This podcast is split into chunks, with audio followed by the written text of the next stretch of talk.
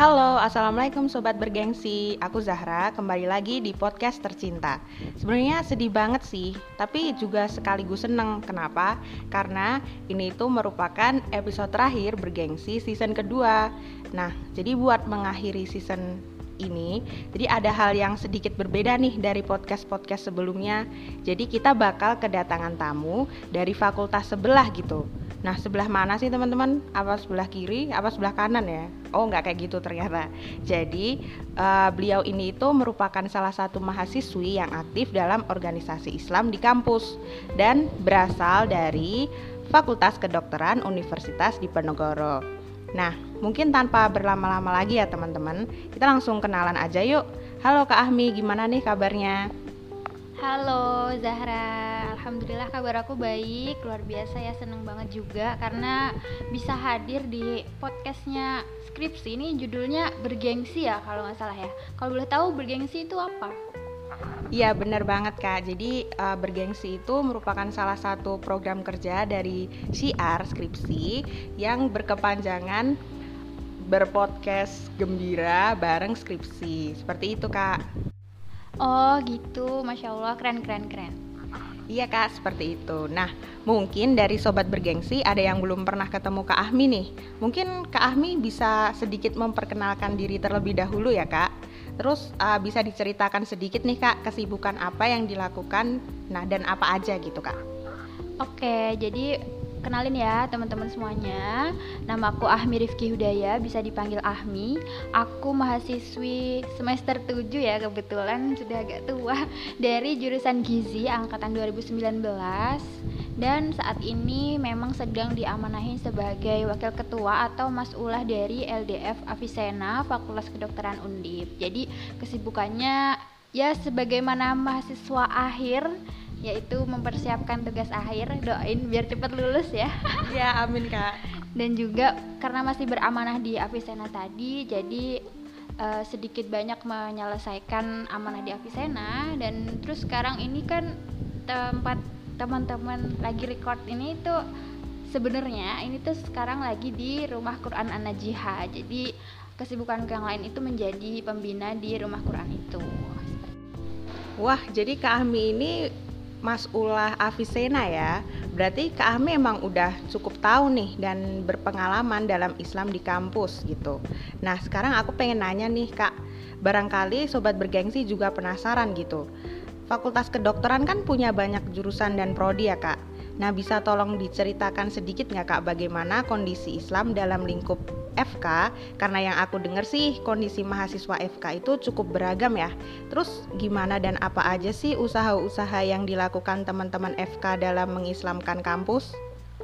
Oke, bener banget tadi kalau kamu bilang di FK itu berasal dari banyak jurusan. Jadi seperti di psikologi kan ada skripsi. Kalau di Fakultas Kedokteran itu ada namanya LDF Avicenna. Namun kalau di FK sendiri itu dari masing-masing jurusan juga ada nih lembaga dakwahnya. Jadi dari jurusan kedokteran umum ada Rohis KU, terus kemudian di Gizi ada Ashifa, di farmasi ada Averos, kemudian di keperawatan ada Fosimik dan juga di kedokteran gigi ada Fimkagi. Jadi cara kami untuk melakukan usaha-usaha menjaga nilai-nilai Islam yang ada di FK itu tentunya tidak lepas dari kolaborasi dengan lembaga-lembaga yang ada di jurusan.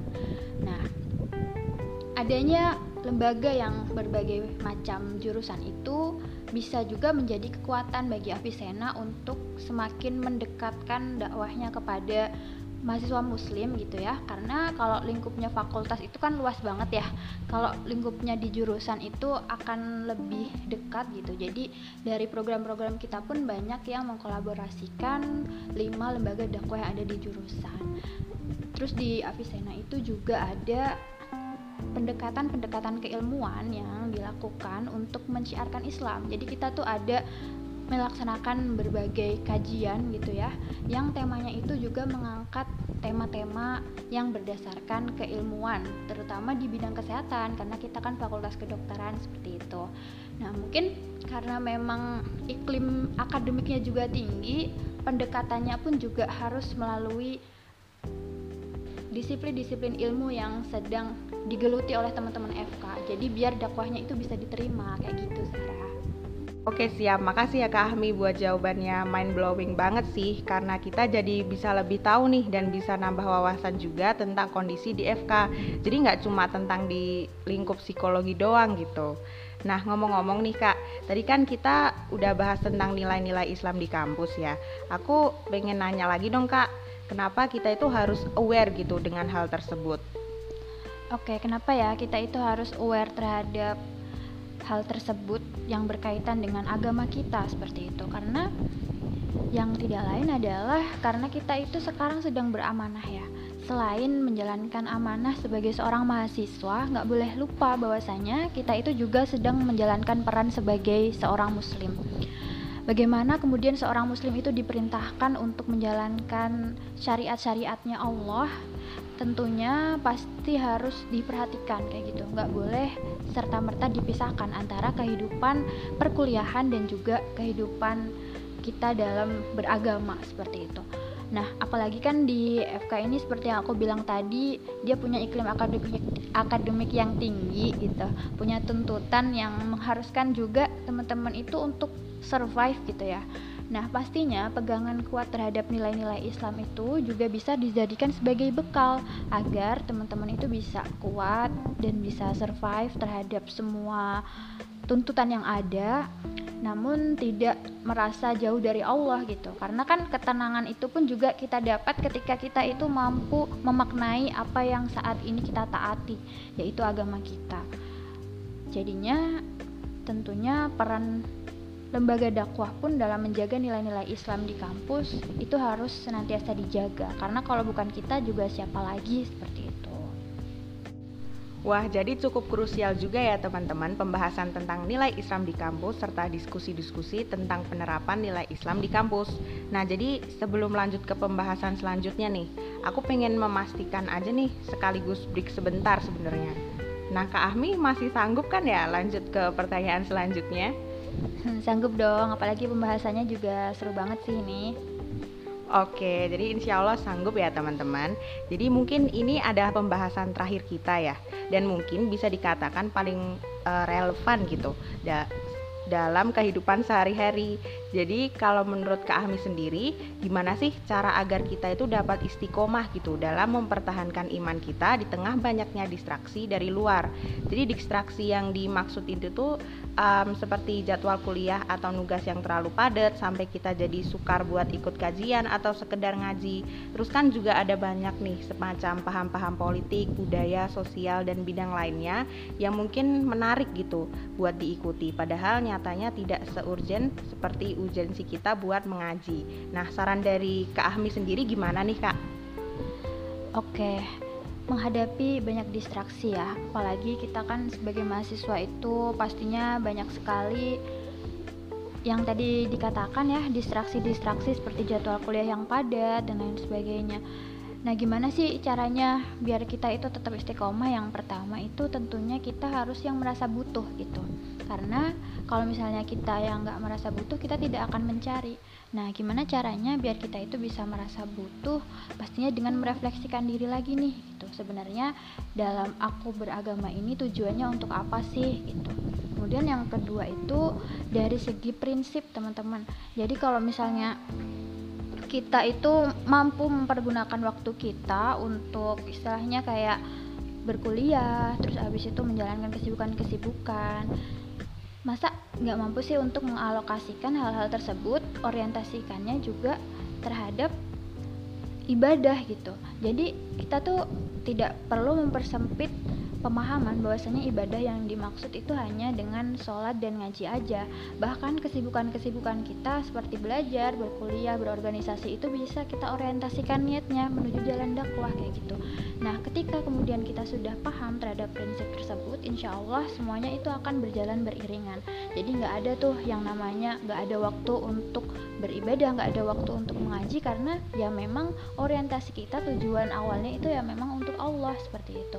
Jadi kalau misalnya ada seseorang yang di tengah kesibukannya sehingga membuat dia itu nggak sempat buat ngaji nggak sempat buat kajian nah itu perlu dipertanyakan apakah memang kesibukannya selama ini ya dia lakukan itu tuh benar benar-benar bermanfaat untuk dia atau tidak gitu. Karena ketika kesibukan itu menjauhkan kita dari Allah maka perlu dipertanyakan lagi apa yang kita lakukan di dunia ini kan sebenarnya untuk apa sih yang kita kejar gitu kan ya.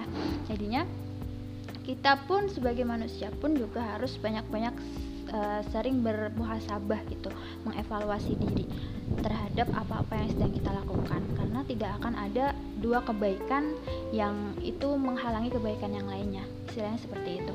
Jadi kalau misalnya kesibukan-kesibukan yang kita lakukan di perkuliahan itu memang sebuah kebaikan dia tidak akan menghalangi kita untuk mendekatkan diri kepada Allah. Intinya kayak gitu sih Zahra Nah, selain itu, karena itu tadi prinsip kan berasal dari diri kita ya, berasal dari dalam diri kita. Pastinya kita juga akan banyak dipengaruhi oleh lingkungan atau eksternal dari diri kita yang mana itu juga sangat berpengaruh terhadap bagaimana kita itu mengambil sikap dari setiap permasalahan. Jadi penting bagi kita juga buat menemukan lingkungan-lingkungan yang baik dengan orang-orang yang baik yang mampu dan mau saling menasihati, menerima nasihat seperti itu. Jadi kan pastinya kita hidup di dunia ini kan juga nggak sendiri ya lingkungan itu sangat-sangat berpengaruh buat diri kita. Jadi sebisa mungkin cari dan juga ciptakan ciptakan lingkungan yang baik yang senantiasa mengingatkan kita juga pada kebaikan sehingga distraksi-distraksi yang tadi yang kita sebutkan itu bisa kita minimalisir. Seperti itu. Oke kak, jadi uh, intinya itu kita harus memperhatikan tiga hal ya orientasi niat, prinsip dan lingkungan sekitar gitu. Karena tiga hal tersebut itu yang bisa membentengi iman kita di tengah banyaknya distraksi dari luar begitu. Jadi mungkin sebelum ditutup nih kak mungkin ada sedikit closing statement dari kak Ahmi nih yang mungkin bisa jadi penyemangat bagi teman-teman Oke, boleh boleh. Ya, jadi pesan aku buat teman-teman semuanya ya, terutama yang nantinya masih punya waktu yang panjang, cukup panjang ya di kampus ini. Karena kalau kayak aku kan udah tinggal amin ya amin udah mau segera lulus gitu ya.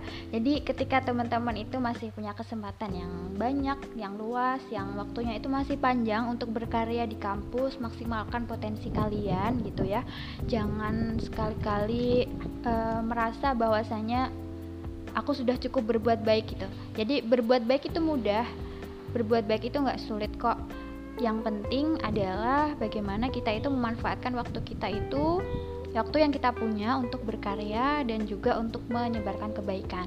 Nah, menyebarkan kebaikan ini tuh nggak cuman lewat lembaga dakwah aja ya teman-teman terhadap apa-apa yang sekarang sedang kalian lakukan, baik itu berkuliah, berorganisasi, atau mungkin ikut lomba-lomba dan berprestasi, itu tuh juga bisa menjadi sarana buat menyebarkan kebaikan. Jadi maksimalkanlah apa yang kalian punya sebelum uh, waktunya itu sudah bukan momennya lagi gitu gitu sih pesan dari aku Oke, makasih banyak Kak Ahmi atas closing statement dan sharing yang pastinya sangat insightful dan menarik banget nih bagi teman-teman di sini gitu. Nah, mungkin aku juga mau mengucapkan banyak terima kasih juga buat Kak Ahmi yang sudah meluangkan waktunya di sela-sela kesibukan gitu.